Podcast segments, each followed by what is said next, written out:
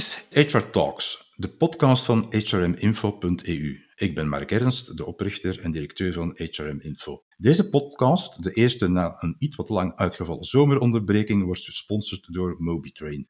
Vandaag heb ik niet één, maar twee gasten. Twee dames dan nog wel. Ik heb begin namelijk Lisbeth de Kneut, Executive Vice President People and Culture, Diversity and Inclusion, Health and Safety bij onderzoeksinstelling IMEC en Deb van Steenwegen, HR Director aan de Universiteit van Leuven. Mevrouw de Kneuten werkt al sinds 1997 bij IMEC, waar ze begon als recruitment manager. Daarvoor was ze onderzoeker aan de faculteit Psychologie van de KU Leuven. Mevrouw van Steenwegen is sinds 2014 aan de slag aan de KU Leuven. Van in het begin in een directeursfunctie op HR-vlak. Daarvoor was ze directeur bij ISW Limits, een dienstverlener op het vlak van psychosociaal welzijn, dat later samenging met Upora en vandaag Pulso heet. Ze startte haar carrière als postdoctoraal researcher aan de Universiteit van Leuven. Welkom, dames. Om uw beide voorstellingen nog wat te vervolledigen, heb ik enkele korte vraagjes. Ik begin met Lisbeth de Kneut. Leeftijd? 50. Hobby- en vrije tijdsbesteding? De Zwitserse bergen hebben tijdens COVID mijn gezondheid bewaard. Mijn gezin en mijn vrienden zijn mijn belangrijkste emotionele geluksbrengers. En muziek en kunst zijn de belangrijkste energiegevers. Welke persoon of organisatie heeft een grote invloed gehad op uw professioneel leven en hoe? Ik zou zeggen Karen Maaks, huidig rector magnificus van de Universiteit van Amsterdam. Zonder twijfel. Als ik zeer jong was, um, werkte zij op IMEC. Zij is ambitieus, trefzeker, maar met een fantastisch warme persoonlijkheid achter de hand. Ik heb van haar zeer veel, zo niet bijna alles geleerd. Idem voor Deb van Steenwegen. Leeftijd? Ik werd deze zomer 50. Hobby's en vrije tijdsbesteding? Ik lees heel graag romans en ik probeer in mijn vrije tijd ook een aantal kunsteducatieve organisaties in de Leuvense regio een stuk te ondersteunen op vlak van HR en diversiteitsbeleid. We proberen daar de jongeren die vandaag onvoldoende plaats krijgen in de maatschappij een extra eh, zetje in de rug te geven. Dus dat zijn twee van mijn belangrijke stukjes vrije tijdsbesteding, zou ik zeggen. Welke persoon of organisatie heeft een grote invloed gehad op uw professioneel leven en hoe? Dat is zonder twijfel de promotor van mijn doctoraat, Paul Ehlen. Hij was een heel gedreven en ruimdenkende wetenschapper en ik denk dat hij eigenlijk 30 jaar geleden al een onderzoekscultuur neerzette die heel hedendaagse accenten heeft, waar hij heel erg op de sociale dynamiek inzette en een voedingsbodem creëerde voor de fundamentele discussies die onder onderzoekers gevoerd moeten worden. Hij was ook een meester in het stellen van zeer intelligente vragen. Ik heb daar de spirit mee gekregen. Niks is zo fascinerend, denk ik, om op zoek te gaan met een groep van mensen wat hen drijft en wat de juiste cultuur en structuur daarvoor is. Dank u wel, dames. Na deze intro heb ik enkele vragen voor u met betrekking tot de socio-economische en brede HR-actualiteit. De eerste die ik graag door elk van u beantwoord zag, luidt: Thuiswerk is sinds 1 september niet langer verplicht, maar 100% op kantoor werken komt voor heel wat bedrijven, zeker de grotere, nooit meer terug. Toch niet voor functies waarbij thuiswerken mogelijk is. Werknemers die van thuis uit hun job kunnen doen, beschouwen telewerk meer en meer als een recht. Werkgevers zoeken naar nieuwe evenwichten tussen kantoor en thuiswerk. Wat is de filosofie en de policy van IMEC en van KU Leuven in zaken thuiswerk en bij uitbreiding hybrid werken?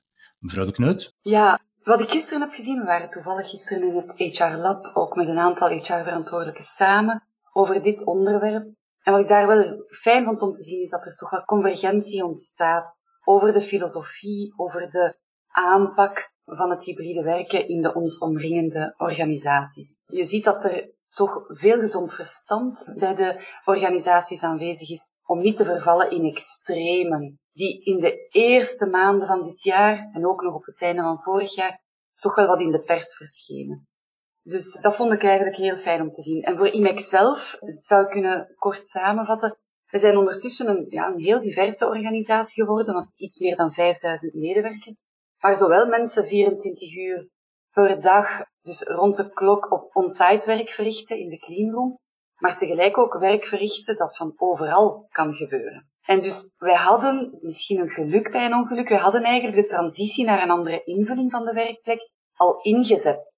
Wij waren eigenlijk sinds 2017 aan het overstappen naar een activity-based werkenfilosofie, waarbij thuiswerk ook al als een van de mogelijke werkplekken gezien werd, geschikt voor bijvoorbeeld concentratie en focuswerk.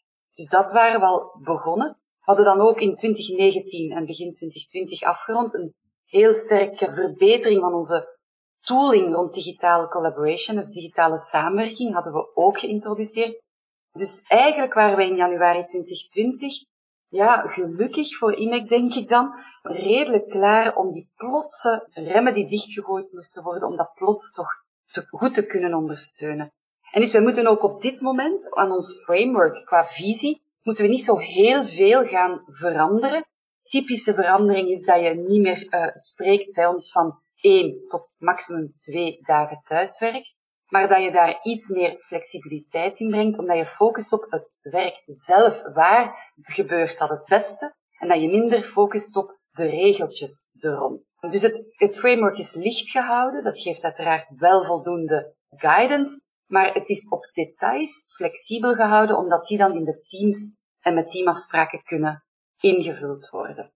We ondersteunen het geheel met surveys, met pulse surveys. De eerste gaat daar nu maandag afgenomen worden in de hele organisatie. En die gaat ons bij, toelaten om bij te sturen, aan te vullen op basis van rechtstreekse input van alle medewerkers. Dus we gaan dat om de drie tot zes maanden, afhankelijk van hoe nodig het is, gaan we dat blijven opvolgen. Dus ik zou eigenlijk zeggen, het echte werk gaat nu pas beginnen. Nu gaan alle teams, alle managers beseffen wat dat er op hun bord extra is gekomen door dit hybride werken, want het klinkt allemaal mooi en het is ook heel mooi, maar daar gaat heel veel werk mee gepaard gaan, dat vooral in de teams, eh, zoals ik zeg, gaat uh, moeten gebeuren. Dat is helder. En hoe zit dat uh, bij u, mevrouw van Steenwegen? Wel, ik herken heel veel dingen van de aspecten die Lisbeth ook uh, aanbrengt en schetst. Ik denk dat er inderdaad zeg maar, een hele positieve cultuur gegroeid is tijdens corona. Maar we hebben tegelijkertijd inderdaad gezien dat als je daarin overdrijft, dat toch ook de negatieve effecten heel sterk bovendrijven. Dat blijkt bijvoorbeeld ook uit de corona-survey die we binnen KU Leuven gedaan hebben. En dat blijkt uiteraard ook uit onderzoek rond telewerk, dat als je veel meer dan drie dagen thuis werkt, dat de negatieve effecten toch wel sterker bovenkomen. Maar wij hebben onze policy rond hybride werken echt geprobeerd om daar heel erg positief in te steken. We zien ook dat er heel positieve effecten zijn, zowel op vlak van werk als op vlak van welzijn van medewerkers. Dat flexibel en zelforganiserend werken, dat dat toch echt wel zijn waarde heeft. En dat is toch wel ook het vertrekpunt geweest van onze policy vandaag. Net zoals Lisbeth ook vertelt, in een grote KU Leuven, waar we heel diverse omgevingen hebben, is het heel belangrijk om die teamafspraken, om die eigenlijk eh, goed te maken het zijn de teams die het best weten hoe het werk ook het best gedaan kan worden. En we vertrekken heel erg vanuit wat kunnen we samen goed en beter doen op kantoor dan thuis alleen. En vanuit de basis, de aard van de activiteiten, de kwaliteit van het werk voorop. En dat proberen we dan zo flexibel mogelijk en zeg maar, te combineren met thuiswerk voor medewerkers, wat toch ook heel wat flexibiliteit en positieve effecten op vlak van work-life balance en welzijn voor de medewerkers meebrengt. Dus dat is zo'n beetje het vertrekpunt. Ook wij hebben een licht beleidskader waarbij we een aantal grote lijnen uitzetten. Wij hebben wel heel expliciet ervoor gekozen om in onze policy toch te gaan voor een actief campusleven. Er zijn wel wat internationale universiteiten die bijna volledig virtuele universiteiten worden. Ik denk dat we daar heel erg proberen toch ook van weg te blijven. Dat actief campusleven is voor ons belangrijk. En vandaar dat wij ergens naar een soort van vuistregel gezocht hebben, van gemiddeld ongeveer de helft van de tijd om campus aanwezig te zijn maar verder alle andere afspraken kunnen eigenlijk in teams gemaakt worden in functie van de kwaliteit van het werk en hoe dat teams het best eigenlijk samenwerken en het werk samen eh, gerealiseerd kunnen krijgen. Dus in die zin is dat denk ik heel gelijkaardig. Wat ik ook helemaal deel met wat Lisbeth daar juist zei, is eh, dat we vandaag starten met een soort van leerproces, zou ik zeggen. We zien een nieuwe dynamiek. Mensen keren ook met veel goesting, denk ik, terug naar de werkplek, maar we gaan een nieuw evenwicht moeten zoeken en we staan nog maar aan het begin van die zoektocht, denk ik. Wij zullen ook proberen om die teamafspraken te verzamelen en geleidelijk aan en ook wat vinger aan de pols te houden met een nieuwe enquête bijvoorbeeld in 2022, om toch te kijken van waar staan we nu en, en is nog verdere bijsturing aan dit kader en aan de afspraken die we gemaakt hebben, is dat nog nodig? Een andere recente maatregel op het economische vlak met niet geringe gevolgen op HR-gebied is de pensioenhervorming van PS-minister Lalieu. Haar eerste voorstellen, die echter nog moeten onderhandeld worden met de regeringspartners en nadien in wetgeving omgezet worden, oogden nogal mager en werden kritisch onthaald door de meeste waarnemers en experten. Wat zijn uw bedenkingen erop, mevrouw de Kneut? Pensioenen. Zo'n thema waar werkgeversorganisaties, werknemersorganisaties en de politiek wel in een eeuwig kluwen lijken vast te zitten. En uh, ja, daarmee in mengen lijkt mij een risico. Dat ga ik niet meteen doen. Ik denk dat daar voldoende mensen naar kijken, naar die context. Maar wat ik wel wil aangeven, is dat het moeilijk is voor organisaties in een dergelijke context te werken. Bijvoorbeeld die discussie rond de zware beroepen, om er maar één te noemen, dat lijkt maar niet beslecht te geraken. En op lange termijn vraagt u af, blijft de discussie dan nog wel op tafel liggen of wordt die dan weer afgevoerd? Maar dat heeft gevolgen in de organisaties waar mensen ook in sociaal overleg ja, wachten, verwachten en dan tot slot ontgoocheld geraken. Dus dat is niet zo heel eenvoudig. Maar wat er wel aan de positieve kant zou ik zeggen, wanneer er wel wetgevende kaders zijn, dan kunnen die een beleid sterk ondersteunen. En zo wou ik ja, één of twee voorbeelden misschien aanhalen. De CAO 104 is een, een heel specifiek kader om maatregelen te definiëren voor medewerkers van hogere leeftijd, om het zo te zeggen, hè, om werkbaar werk uh, aan te houden. En eigenlijk dat is een kader dat we bij IMEC heel sterk hebben ingevuld. Daarnaast is er een tweede, een duidelijk signaal vanwege de overheid geweest rond het beren of het belang van het reïntegreren van medewerkers die langdurig wegens ziekte afwezig zijn geweest. En dus die twee kaders zijn toch wel heel bruikbaar. Je kunt daarin overdrijven in het wetgevende, maar als je dat op een pragmatische manier bekijkt, zegt je dat is eigenlijk heel bruikbaar om een verschil te gaan maken, heel concreet op de werkvloer. En als je me toestaat, geef ik daar graag een paar heel korte voorbeelden van, die we bij IMEC hebben geïmplementeerd. Een eerste was dat we, naar aanleiding van dat, uh, dat vraagstuk rond reïntegratie, wat maatschappelijk toch wel een heel belangrijk thema is, dat wij hebben beseft dat we best konden gaan samenwerken en dat we dus interdisciplinair zijn gaan samenwerken tussen de verschillende spelers. Dus dan heb je HR aan de ene kant, dan heb je de interne en de externe preventiedienst, en dan heb je ook nog de manager van medewerker in kwestie die terug kan keren. En eigenlijk hebben we daar een soort van recurrent overleg opgezet rond uh, reïntegratiecases. Om dat even in cijfers te zeggen, in 2020 hebben wij een zeventigtal dossiers zo interdisciplinair begeleid, waar dat toch, je merkt dat er in de helft van die gevallen, ongeveer 50% van die cases, was er een aanpassing nodig in jobinhoud of in werkorganisatie. Soms ook in ploegenregime. En dan zie je, moest die manager dat alleen moeten doen en dan moeten gaan shoppen, bij wijze van spreken, bij ondersteunende afdelingen. Dan gaat dat veel langzamer en veel moeilijker verlopen. Terwijl dat we nu van in het begin eigenlijk met al die uh, mensen rond de tafel kunnen zeggen, oké, wat is hier het beste om die reïntegratie succesvol te laten zijn? En dan wordt dat meteen ook uh, in de juiste vorm gegoten. Dus dat is een voorbeeld wat toch echt ingegeven is door dat beleid, maar wat we op IMEC geleest hebben geschoeid. Dat heeft er zelfs toe geleid, of dat heeft er mee toe geleid dat sinds 2020 de EHS-afdeling, dus de afdeling voor veiligheid, gezondheid en milieu, dat men eigenlijk heeft gevraagd aan mij om die afdeling ook te gaan aansturen. Omdat men zag dat synergieën er waren en dat de verdere opportuniteiten zeker nog kunnen uitgewerkt worden. Dus dat is één voorbeeld. Een tweede voorbeeld is in het kader van de CAO hebben wij eigenlijk in overleg met de werknemersafvaardiging besloten om een soort van cafetaria-maatregel, cafetaria-plan maatregel voor oudere medewerkers in te voeren, die heel pragmatisch is. Vanaf dit jaar kunnen medewerkers van 55 jaar of ouder in plaats van vijf dagen eindjaarspremie om te zetten naar extra verlofdagen, wat eigenlijk een regel is die we hebben ingevoerd voor heel de populatie, kunnen zij dat nu tien dagen dus dat, hebben we, dat is een heel concrete maatregel die beantwoordt aan de vraag naar iets meer ruimte, vrije tijd voor het zij uit te rusten, omdat het allemaal toch wel kan zwaar beginnen. Het zij misschien zorg op te nemen voor ouder wordende ouders of wat dan ook. Dus dat is een ander voorbeeld. Ik denk, in de toekomst gaan wij nog wel grondig willen en misschien ook wel moeten kijken naar ons ploegenwerk. Hè. Shiftenwerk is toch een apart thema. Daar hebben we eventjes ook weer naar die zware beroepen gewacht van ja, gaat daar iets rond besloten worden? Dat is niet gebeurd. Maar daarom weet je toch dat er een extra belasting is die men niet altijd tot het pensioen kan blijven dragen. En daar gaan we grondig naar moeten kijken. Ik denk gewoon eventjes kijken naar hoe kunnen we de shiften nog net iets gaan tunen, is misschien niet voldoende. Daar zou ik willen echt naar ideeën kijken van zelfroostering, eventueel zelfsturende teams, eventueel jobcrafting, daar moeten we toch echt wat out of the box, de toekomstgerichte oplossingen gaan op tafel leggen. Maar dat is dus toekomstmuziek. Dat zijn zo'n paar concrete elementen. En allemaal elementen die uh, zeer praktijkgericht zijn. Ja. En voor zover dat ik daar weet van heb, niet gemaakt worden in de fameuze rapporten van de pensioencommissie bijvoorbeeld. Hè? Nee, dus ik denk organisaties die zelf aan de slag gaan, die zien dat ze met ook empathisch te gaan luisteren naar wat, hebben, uh, wat zijn eigenlijk de vragen van, van de oudere medewerkers, uh, dat je daar veel mee bereikt. En misschien toch nog dan even een noot in de marge. Wij zien ook zeker in de R&D-omgeving dat mensen zelfs tot aan pensioenleeftijd en zelfs soms tot na pensioenleeftijd actief zijn en willen blijven. Dat geldt natuurlijk niet voor iedereen, maar er zijn wel vragen rond. En daar vroeg ik mij af, op dit moment is de pensioenleeftijd natuurlijk 65, dat gaat naar 67.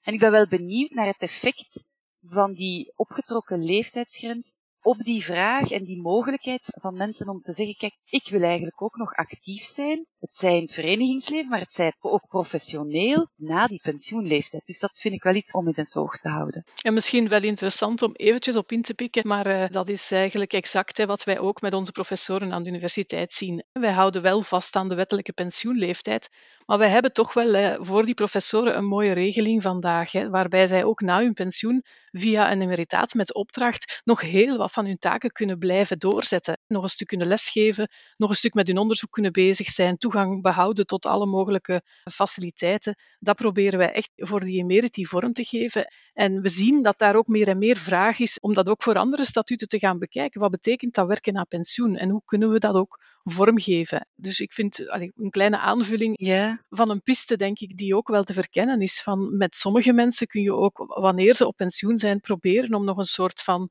een actieve relatie te onderhouden en toch nog een aantal mogelijkheden aan te reiken na die pensioenleeftijd. Dus als we dat mogen afronden, Mark, dan zou ik stellen dat wij misschien toch alle twee niet van mening zijn dat werk iets is dat per definitie slecht is en dat je zo kort mogelijk moet doen. Hè? Uh, het moet werkbaar zijn en het moet haalbaar zijn. En daar zit voor HR zeker een belangrijke rol. Zeer grote verschillen in de ja. aard van de job. Ja. Niet alle jobs kun je natuurlijk uh, nee. even gemakkelijk op dezelfde manier uh, 42 jaar gaan uitvoeren. Hè. Dus nee. ook daar, hè, de flexibiliteit in de loopbaan hè, is wel belangrijk ook. Ja, hè. De, de, mogelijkheden absoluut. die we voorzien naar uh, bijvoorbeeld herbronning, sabbaticals, mogelijkheden om er ook eens een jaar uit te stappen, dat, dat wordt toch ook belangrijker. Hoe langer die loopbaan en hoe Klopt. meer dat we ook inzetten op die stukje die, uh, zal ik dat zeggen, brede ontwikkeling van mensen, waar ze toch ook hè, dat levenslang leren, waar iedereen de mond van vol heeft, wordt dat toch ook echt wel heel Absoluut. belangrijk. Ja. Om te besluiten, voor mij is het ook overduidelijk dat er behoefte is aan outside-of-the-box thinking uh, in Ja. deze materie. Ja. Recent publiceerde het steunpunt Werk van de Universiteit Leuven, een gespecialiseerd onderzoekscentrum met betrekking tot de arbeidsmarkt en werkgerelateerde onderwerpen, een studie over de evolutie van de opleidingsinspanningen in Vlaamse bedrijven tussen 2015 en 2019. De bevindingen werden gemaakt op basis van de analyse van de sociale balansen van de bedrijven met meer dan 10 werknemers.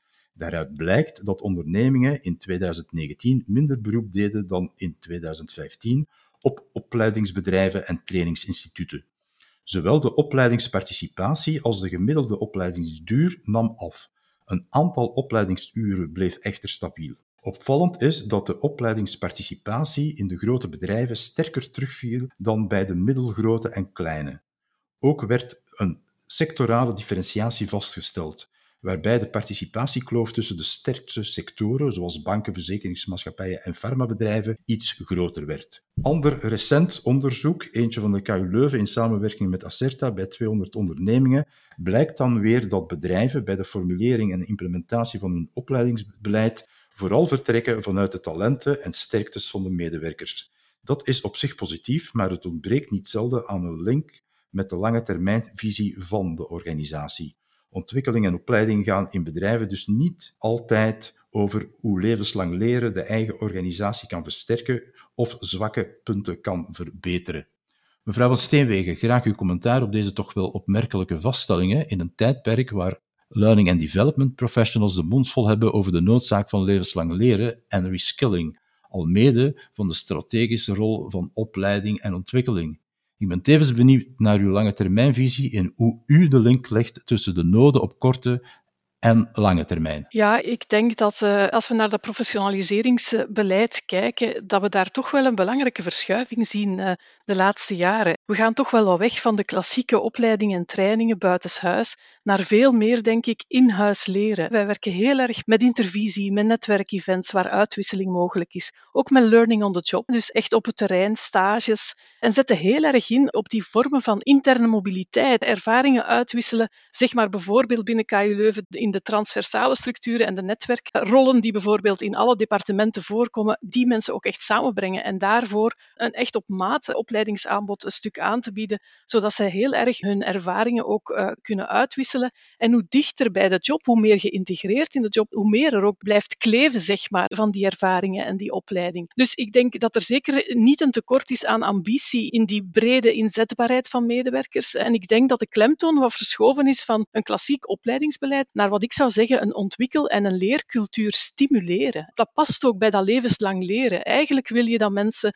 een stukje zelf het stuur in handen nemen van hun loopbaan en hun kwaliteiten en hun competenties aansterken. En daarvoor heb je vanuit de organisatie eigenlijk vooral straffe basisstructuren nodig. Hoe krijgen mensen feedback? Op welke manier komt in loopbaangesprekken ook ontwikkeling aan bod? Kunnen we dat stimuleren? Er is ook heel veel goesting, denk ik, om te leren bij heel veel mensen. Hoe kunnen we daar eigenlijk voldoende op inspelen en hen die kansen ook bieden om hun netwerk uit te bouwen binnen de organisatie en natuurlijk ook af en toe buiten de organisatie. Het is wel belangrijk om ook extern genoeg input te krijgen. Maar dat vind ik zelf een belangrijk element. Dat is eigenlijk dat stuk de klemtoon, en dat zie ik niet alleen bij ons, maar in veel organisaties, dat de klemtoon toch wel verschuift van opleidingen naar een echte ontwikkelcultuur die men wil stimuleren. Teams nemen hun eigen ontwikkeling een stuk in handen en proberen daar ook op in te spelen. Als uw vraag dan is naar een stukje meer strategisch, waar kijken we op lange termijn naar vanuit het perspectief van de universiteit vandaag, ja, dan is het belangrijk om dat toch wel wat op te splitsen in verschillende doelgroepen. Wij hebben, zoals veel organisaties, denk ik, een heel belangrijk aanbod rond,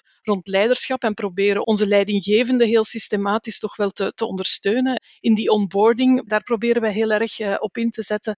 Maar ook een stuk mensen recruteren en voorbereiden in het opnemen van een rol, beleidsfuncties binnen de organisatie bijvoorbeeld. Dat coachend leidinggeven, enfin, daar zijn veel leidinggevende vaardigheden waar we toch ook wel heel sterk proberen op in te zetten.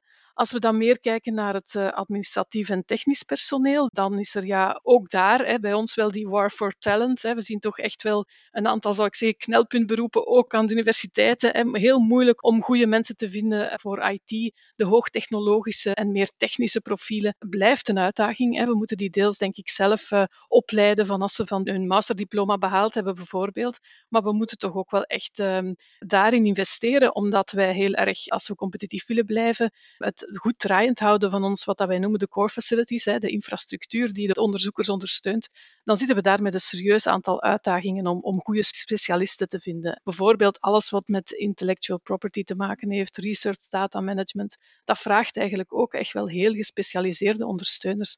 En dat zal zeker een uitdaging zijn voor de toekomst. En we zullen die een stukje zelf in onze pool van onderzoekers die de KU Leuven verlaten, ook wel een stuk moeten gaan zoeken en ook daar proberen op te leiden en mee te trekken in, in ons verhaal. En misschien als laatste nog aangeven dat wij als universiteit zijnde ook een heel belangrijke maatschappelijke rol hebben in het ondersteunen van zeg maar, die jonge onderzoekers die hun eerste jobervaring aan, aan KU Leuven hebben en die we tegelijk toch ook proberen om hen die brede vaardigheden mee te geven, hè, die ze ook nodig hebben later op de externe arbeidsmarkt. Wij proberen daar zowel via opleiding heel sterk op in te zetten, als ook hen de kans te geven om kennis te maken met die bedrijven, met de externe arbeidsmarkt. En hebben daarvoor ook een specifiek career center bijvoorbeeld uitgebouwd. Dus dat lijken mij afhankelijk een stukje van naar welke doelgroepen dat we kijken binnen de universiteit, toch een aantal strategische keuzes. Die verankering van die opleiding in dat loopbaanbeleid en in dat levenslang leren, dat zijn daarbij volgens mij een stukje de strategische uitgangspunten. Als ik u zo hoor, dan deelt u toch niet helemaal, en zeker niet voor wat betreft uw eh, organisatie, de toch uh, ja, niet echt rooskleurige bevindingen uh, uit de twee aangehaalde onderzoeken? Wel, nee, ik uh, begrijp. De vraag is hoe de onderzoeken gevoerd zijn en hoe ze opleidingen daar in kaart brengen. Want ik denk dat heel veel er toch wel inderdaad een verschuiving is. En de opleidingen zijn meer op maat, worden meer in-huis, denk ik, gemaakt of met steun van consultants. Maar we zoeken echt wel naar die verankering met de job heel erg en het inbedden in de cultuur. En ik denk dat dat een beetje een verschuiving is die men inderdaad ook wel voelt bij de opleidingsinstituten. Hè? Ja. Dus u zou misschien eens moeten gaan praten met de mensen van Steunpunt Werk van de Universiteit Leuven om hun onderzoeksmethodologie wat aan te scherpen en zich niet enkel te baseren bijvoorbeeld op de sociale balansen. Ja, bijvoorbeeld. Ja, ik vind dat een goed voorbeeld. Ik denk dat opleiding veel ruimer gaat dan alleen de sociale balans. Maar het is natuurlijk een indicatie in het algemeen en daar kunnen we zeker verder over praten. Maar ik vind het heel belangrijk om opleiding, als we daarover spreken, om dat eigenlijk heel ruim te trekken. En niet alleen naar de dagen die mensen voor een opleiding inschrijven, bijvoorbeeld te kijken, maar veel ruimer naar het concept van ontwikkelcultuur en dagelijks leren on the job, van dat eigenlijk ook mee te nemen in dat verhaal. En nu is het tijd voor een kort intermezzo met twee vragen die ik stevast aan elke gast voorleg. De eerste vraag luidt dan: naar welk bedrijf of andere organisatie kijkt u omwille van haar HR-beleid op en waarom? Mevrouw de Kneut? We hebben natuurlijk de voorbije anderhalf jaar of tien maanden bijna, hebben wij veel intern moeten focussen. Maar wat we dan ook wel hebben gezien is de voorbije periode dat we hele goede buren hebben. En dat is misschien ook een van de redenen waarom wij hier samen zitten, Deb en ik omdat we gemerkt hebben, zeker van, vanuit mijn perspectief heb ik het heel fijn gevonden, om samen met de KU Leuven af en toe contact te kunnen hebben en kijken dan hoe pakken we deze ongeziene situatie. Hoe pakken we dat nu bestaan, waarbij we voortdurend hebben moeten oh, opnieuw bijstellen van verwachtingen, opnieuw aanpassen van beleid naar weerwijzigende omstandigheden, dus van wendbaarheid gesproken. Ik denk dat we dat de voorbije anderhalf jaar eigenlijk quasi dagelijks hebben moeten, moeten doen. En dan heb ik gemerkt dat DEP en de organisatie achter DEP, ik denk zeker ook uh, de rector van de KU Leuven, dat wij daar toch wel een hele goede sparringpartner in vonden en dat we heel erg gelijkaardige visies deelden. En dan was het heel fijn om uh, te kunnen samenwerken op die zeer cruciale, moeilijke momenten die we gekend hebben. Dus bij mij is dat dan de KU Leuven en zeker ook met name Deb in haar uh, nieuwe rol als eindverantwoordelijke voor HR. U treft het natuurlijk dat uitgerekend de KUL een uh, rector heeft met uh, ja, ja, heel veel affiniteit met uh, organisatievraagstukken, zelf met HR-vraagstukken. Als ik het goed heb, heeft hij zelf destijds gedoctoreerd op een uh, ja, HR-transformatie bij de overheid. Hè? Ja. Mevrouw van Steenwegen? Ja, ik ga dat dan uh, terug doen ook. Hè. Ik had hier voor mezelf zo genoteerd dat inderdaad IMEC en de buren hè, toch wel heel belangrijk zijn, in, zijn geweest, hè, zeker in de voorbije periode. En ik denk dat we meer dan ooit eigenlijk vanuit de binnenkant ook een stuk hebben leren kennen van, van mekaars organisaties. En dat dat eigenlijk ook heel inspirerend is. Een stuk kunnen afstemmen met peers in zo'n moeilijke tijden is eigenlijk goud waard, denk ik. En ik moet zeggen dat ik daarin toch ook wel een stukje opkijk naar de manier waarop Lisbeth dan het HR-beleid binnen IMEC en veel meer dan het HR-beleid, denk ik altijd binnen IMEC, eh, een stuk mee vormgeeft en uh, kan bogen op een heel lange staat van dienst en, en, ervaring. Ik vind dat altijd heel inspirerend. Ik moet zeggen dat ik ook de, de HR-directeurs van de andere universiteiten bijvoorbeeld, VIB, UZ, dat het meer dan ooit nodig geweest is om daar ook af te stemmen en te leren van peers. En dan gaat het niet zozeer over naar welk bedrijf kijkt u op, maar wel van waar valt er echt van elkaar, van elkaar te leren. En ik denk dat dat, dat hier uh, toch wel heel inspirerende tijden geweest zijn, spannende tijden geweest zijn waar we ook met veel plezier en een beetje pionierschap misschien hè, of zullen, zullen naar terugkijken. Dus ja, ik deel helemaal uh, dat idee. Ik denk dat IMEC ook een stuk voorloper is en pionier op een aantal vlakken waar wij, zeker als KU Leuven en ook in het HR-domein, erg veel van kunnen leren. Hè. Dus uh, ja. Mijn tweede intermezzo-vraag. Welk boek of welke boeken, maximaal twee zeg maar, over business, management of HR zou u HR-professionals aanraden om zeker te lezen en waarom? Mevrouw de Kneut? Het eerste, High Impact Teaming. Waarom?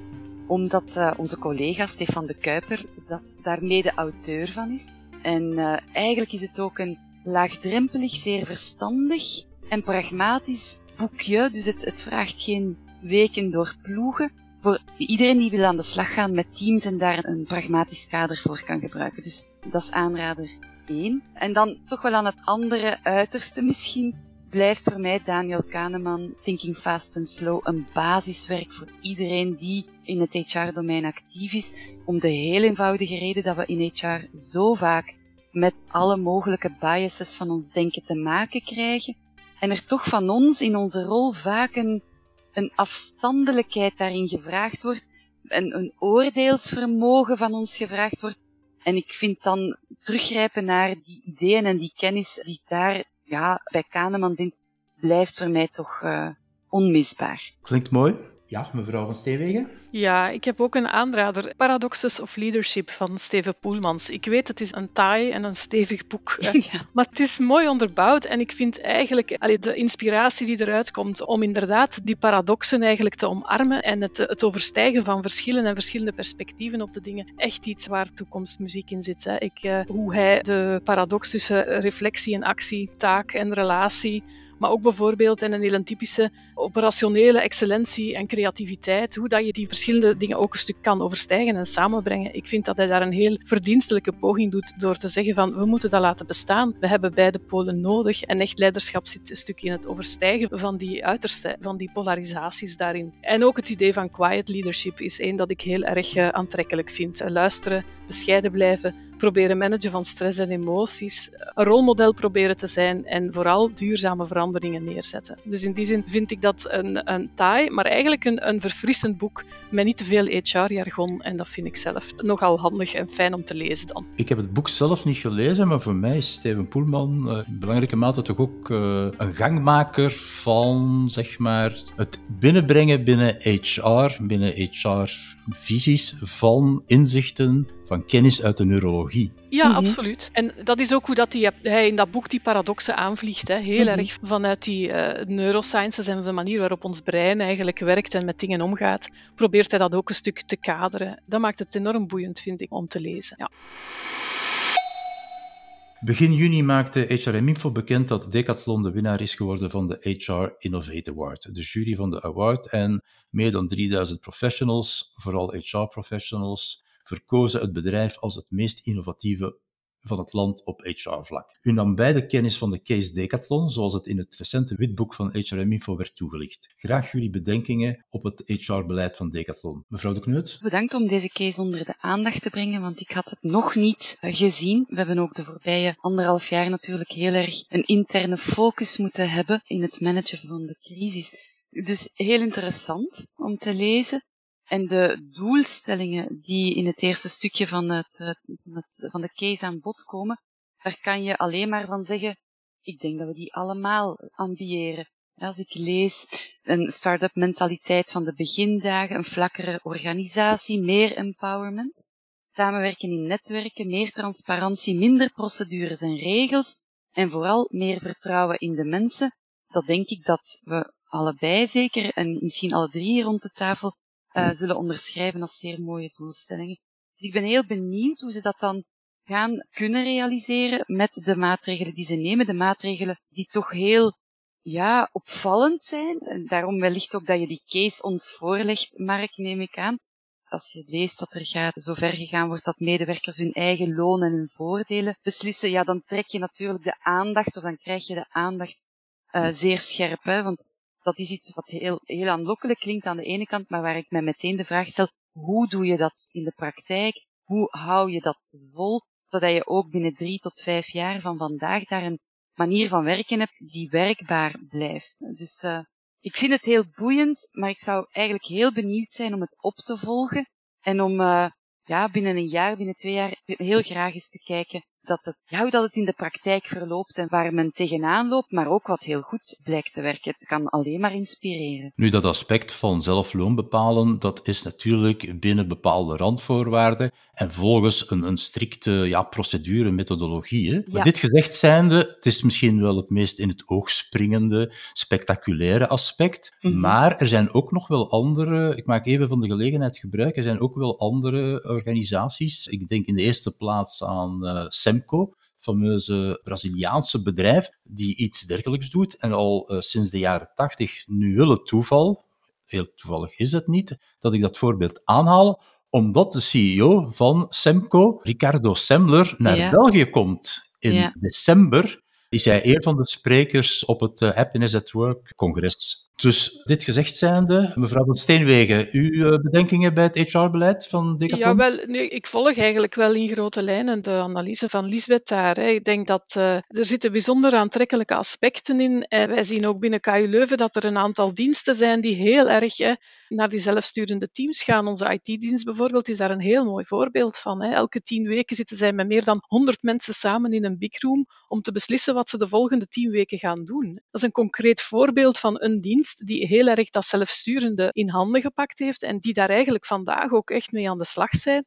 Wat ik daar vooral uit leer, dat is dat dit soort van organisatie ons heel erg terug naar de basics brengt van HR. Naar de basiselementen van bijvoorbeeld hoe geven we feedback, hoe nemen we beslissingen? En wat ik zie is dat men in zo'n omgeving eigenlijk een vrij strakke methodiek nodig heeft. Er moeten echt wel duidelijke afspraken zijn over een aantal basics. Hoe worden beslissingen genomen? Er moet echt doorgepraat worden over doelstelling, missie en visie van uw team. En dus is opnieuw die bedrijfscultuur is daarin heel erg belangrijk. Ik heb nog niet zo lang geleden met Peters Jongers van ProTime gesproken. Hij is ook een bedrijf die echt wel heel erg vanuit die kleine teams en, en hij legt heel erg de nadruk op die bedrijf bedrijfscultuur, omdat dat inderdaad de enige manier is om al die tandwieltjes die dan zelfsturend zijn, om die eigenlijk met elkaar te laten draaien. En dat komt er dan op neer van ervoor te zorgen dat je de juiste mensen aanwerft, heel veel tijd steekt in die goede match tussen medewerker en organisatie. Dat komt er ook op neer dat je de teams goed moet samenstellen. Er wordt heel veel verwacht van die leidinggevende, Allee, of die ja, leidinggevende of een stukje aansturende mensen die eh, tussen die teams eigenlijk vooral functioneren, want die zitten niet meer in een team, maar die moeten dan wel zorgen dat de teams met elkaar kunnen spreken in grote organisaties. Dus ik denk dat er veel, heel veel te leren valt uit die cases. En misschien als ik daar een mooie beweging die ik toch wel zie, is, is dat dat ons terugbrengt naar de basics van HR voor mij. Waar zitten die cruciale processen? Niet de grote systemen, niet de grote, maar eigenlijk een aantal cruciale vaardigheden die je nodig hebt om zoiets te laten draaien en ook in een grote organisatie de realisaties te laten brengen die nodig zijn. Dus mensen heel sterk betrekken bij de core activiteiten. Misschien nog één elementje, die wendbaarheid, vind ik zelf ook wel heel mooi in de case van Decathlon. Hoe dat ze daar vertellen dat doordat ze met die teams werken, eigenlijk ook heel snel tijdens corona zijn kunnen omschakelen van wat ze gewoonlijk doen naar een soort van bijna pakjes versturen en zo verder. Ik denk dat dat ook heel inspirerend is. De manier waarop dat je georganiseerd bent, kan heel sterk bepalend zijn voor hoe wendbaar je bent in tijden waarin er toch wel veel wendbaarheid gevraagd wordt. Voor zo'n grote organisatie als KU Leuven, waar wij de onderzoeksgroepen ook wel soms wat zien als kleine KMO's, die een stuk hun eigen weg gaan en onder de grote vlag van KU Leuven varen, zijn er veel uitdagingen ook in het eh, goed neerzetten van een soort van management dat slank is, maar dat toch ook wel een aantal core-activiteiten echt ondersteunt en een aantal basisprocessen mee bewaakt en, vormgeeft. Ik denk dat dat ja, een uitdaging is als je met zelfsturende teams samenbrengt, dat de vraag dan is, en ik vind dat mooi, hè, laat ons maar verder proberen om zoveel mogelijk uh, onszelf, zeg maar, onmisbaar, allez, of het omgekeerde van onmisbaar bedoel ik, hè, maar onszelf uh, heel duidelijk uh, weg te cijferen en zo onzichtbaar mogelijk te maken. Ik denk dat dat in het, in het voordeel is van de core-activiteiten waarop we moeten focussen. Oké, ik zou zeggen, back to basics. Back to basics. En tegelijkertijd, ja, vooruit naar, ik kan niet zeggen back to future, maar uh, vooruit naar de toekomst. IMEC is wereldwijd het belangrijkste onafhankelijke onderzoekscentrum op gebied van nanoelektronica. Mevrouw de Kneut, in welke mate en op welke wijze speelt HR een rol in het stimuleren en ondersteunen van de innovatie en de innovatiegedrevenheid van uw organisatie en haar medewerkers. Ja, innovatie, daar heb je gelijk in, is de kern van de opdracht van IMEC. En ik denk, de hele evidente eerste laag van antwoord is daar dat de HR-afdeling de uitdaging heeft en blijft aangaan om innovatief talent in een uiterst schaarse markt te blijven vinden. En om daar eventjes aantallen bij te zetten, dus we zijn 5000, je kan zeggen dat is niet zo'n grote organisatie, maar bewegingen in en uit zijn groter dan je wellicht vermoedt. Om heel concreet dit jaar, tot en met eind augustus, hebben wij een kleine 200 nieuwe mensen op onze payroll aangeworven en een kleine 400, wat dat we dan noemen, mensen off payroll, PhD's, postdocs, residenten, andere statuten, dus dat is flex forces, dus dan zit je toch, eh, dan kan je je voorstellen, je zit aan 500, 600 nieuwe medewerkers. De helft daarvan België, de helft internationaal. En dat zijn geen standaard aanwervingen.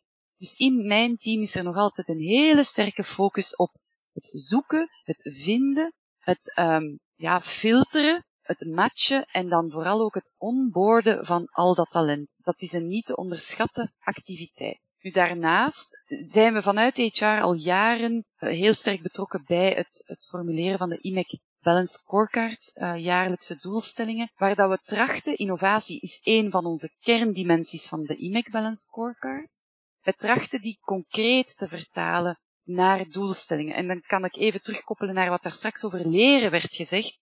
Als je niet innovatie of andere doelstellingen die strategisch zijn, vertaalt naar people-doelstellingen, zelfs ook leerdoelstellingen, die heel gefocust in de organisatie worden neergezet, dan ga je eigenlijk die strategische link niet leggen. En dan krijg je ja, een disconnect tussen de activiteiten van de mensen op het HR-vlak en de strategie. En dus waar wij bijvoorbeeld voor gekozen hebben, om zo eentje heel concreet te maken, is de cross-team collaboration. Dus we zien in bevragingen, medewerkersbevragingen, maar we zien dat ook in de realiteit, dat enerzijds het interdisciplinair gaan samenwerken tussen teams belangrijker wordt om de innovatie nog te kunnen realiseren. Het wordt allemaal moeilijker, complexer. En anderzijds de trend er toch wel is om moeilijker te gaan samenwerken tussen de groepen heen. Dus men focust heel erg op samenwerking binnen het team. Dat loopt goed. Maar één keer de grenzen van dat team overschrijden moet, moeten worden dan, overschreden moeten worden, dan, dan loopt het vaak moeilijker. En dus daar hebben we heel concreet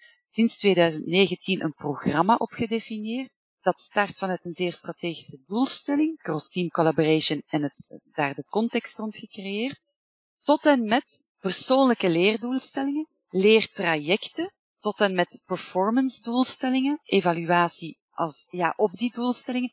Dus zo ga je eigenlijk de strategie vertalen eigenlijk in de praktijk, zodat iedereen weet waar we mee bezig zijn, waarom dit een focus is en wat dat ook voor hem of haar concreet betekent. Denk daarnaast zijn we binnen HR zelf ook innovatief en drijven wij een innovatief en toekomstgerichte organisatie. Dat is niet altijd heel eenvoudig. Uh, het voorbeeld dat ik vaak geef is de campus omvormen tot een smart, smart workplace, activity-based gaan werken. Ja, daar zijn voorstanders van, maar daar moet ik u geen tekening bij maken. Dat ook niet iedereen dat op applaus onthaalt tot op vandaag. Hè, is dat iets wat een verandering is, die ook uh, voor sommige mensen moeilijker verloopt dan voor anderen.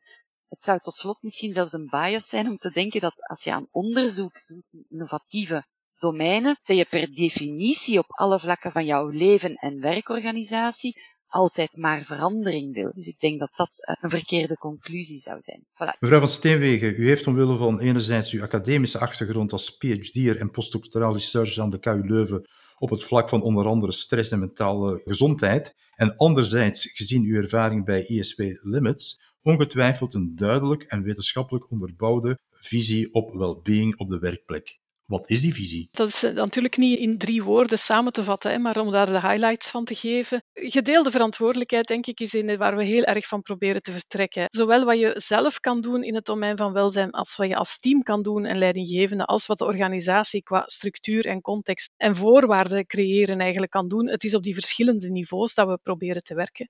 We proberen eigenlijk enerzijds hè, mensen die tegen dingen aanlopen, eh, aan te moedigen om zo snel mogelijk eh, dingen bespreekbaar te maken. Hè met hun eigen leidinggevende in hun eigen context. En als dat in hun eigen context niet lukt, hebben we daar een netwerk van laagdrempelige aanspreekpunten voorzien, waar zij ook terecht kunnen om een stuk is een, onafhankelijke toets of een, of een extra stem te horen om een aantal dingen af te toetsen. En als er echte issues zijn, om ook echt dan een stuk professionele hulp eh, te kunnen inschakelen bij conflicten, bij moeilijke situaties en bijvoorbeeld ook bij burn-out situaties. Maar onze insteek is ook rond dat welzijn in hoofdzaak eh, heel positieve insteek met veel nadruk op preventie en meer en meer ook de klemtoon op community en netwerk. Wat kunnen mensen voor elkaar betekenen? En daar zit natuurlijk, als je dat wetenschappelijk bekijkt, die component in van de sociale steun, de context die je heel erg nodig hebt. En dat hebben we toch ook in coronatijd wel heel erg gezien, dat dat een hele cruciale factor is. En ook online en op afstand kan je contact houden, maar dat is niet op dezelfde manier, denk ik, dan wat dat je aan communitygevoel echt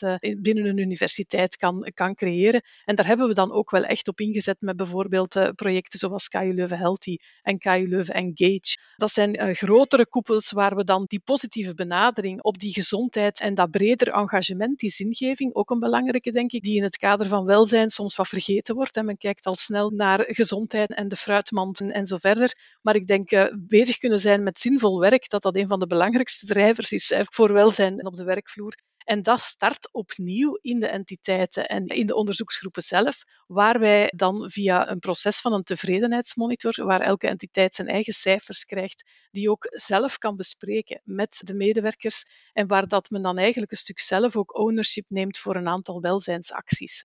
En wij hebben eigenlijk nu twee keer zo'n soort van proces doorlopen, twee keer uh, drie jaar. En we zien toch wel dat de organisatie daar bijzonder veel uit leert en dat dat een hele goede manier is om uh, zoveel mogelijk mensen bij welzijn in de brede zin te betrekken en ervoor te zorgen dat een stuk iedereen daarmee werk van maakt en we ook de, samen de voorwaarden creëren voor die positieve onderzoekscultuur. Daar kritisch naar kunnen kijken. Bovendien geven de resultaten van zo'n enquête ons dan ook de mogelijkheid om een aantal grotere thema's, ook beleidsmatig en structureel, binnen de organisatie echt ook op te pakken en aan te pakken. Dus ik zou zeggen eerder evidence-based dan eh, de, de wetenschappelijke onderbouwing. Uiteraard zijn onze vragenlijsten door interne experten en zo verder mee bekeken en goed onderbouwd, maar we proberen vooral te werken met gerichte informatie ook echt aan de entiteiten zelf te geven, hun eigen resultaten terug te koppelen en daar ook mee aan de slag te gaan. En dan te zorgen dat we natuurlijk uh, goed onderbouwde methodieke aanpak hebben, die ook ter beschikking is via allerlei tools en leidraden en via een aantal professionals die we in de organisatie zelf hebben om ook die issues die er dan zijn, of de knipperlichten die naar boven komen, om die eigenlijk ook mee te kunnen aanpakken en daarin te sturen. Met uw laatste precisering ja. neemt u eigenlijk uh, de vraag die ik wilde stellen, want in uw eerste exposé, in uw eerste uitleg, uh, mm -hmm. viel het aspect zinvol werk sterk op, maar had u het niet over autonomie. Oké, okay, mm dat heeft u dan eigenlijk nadien, eh, bij wijze van spreken, wat, wat, wat, bijgestuurd. Ik denk dat de drie samen, de ABC hè, van de zelfdeterminatietheorie, sociale steun, uw competenties echt kunnen inzetten, de mastery-component, en dan de autonomie, dat die samen er ook wel voor zorgen dat mensen zinvol werk hebben. Dus ik denk dat dat de basis is. Maar toch, ik denk eh, een stukje bijkomend inzetten op die zingeving, dat engagement. Waarom doe ik dit? Wat is mijn ambitie? Hoe kan ik mijn ambitie ook een stuk zelf vormgeven? Dat daar natuurlijk een hele belangrijke eh, factor in zit, in het engagement, de jobbevlogenheid, uh, zoals we dat tegenwoordig noemen, van medewerkers. En wij hebben eigenlijk een, een aan KU Leuven een fantastische groep van mensen die allemaal eigenlijk heel erg gedreven zijn. En je ziet dat ook in de resultaten van onze enquêtes. Hè. Mensen zijn enorm bevlogen, soms zo bevlogen dat ze een beetje tegen zichzelf beschermd moeten worden. Bijna, hè, van, hebben we ook wel gezien in coronatijden. Als je constant bezig bent met het werk en geen aandacht hebt voor recuperatie bijvoorbeeld, dan zijn dat toch wel een aantal accenten, denk ik, die wij ter ondersteuning ook wel kunnen meegeven aan, aan bevlogen medewerkers. Absoluut. En bevlogen medewerkers zijn meer dan anderen ja, vatbaar, kwetsbaar voor burn-out, uh, stress en, en, en ja, dat you have to dingen, be on fire to burn ja, out. Hè? Dat, voilà. is, ja, dat is wat, wat, dat, wat ja. ook opvalt is uh, dat u sterk wilt inzetten op preventie en dat spoort dan weer helemaal met de zeg maar vernieuwde inzichten rond gezondheidsbeleid in het algemeen, Absoluut. die uh, opgang maken in ja, de post-corona-periode en, en die, die eigenlijk vertrekken vanuit de analyse van wat er allemaal is misgelopen tijdens uh, corona. Ziezo, we zijn aan het eind gekomen van deze editie van HR Talks, inmiddels de zevende. Ik hoop dat u, luisteraar, ervan genoten hebt en zo leerrijk vond. Rest me enkel mijn gasten en sponsor MobiTrain te danken en een volgende afspraak met u, luisteraar, te maken. Tot volgende maand. Stay tuned.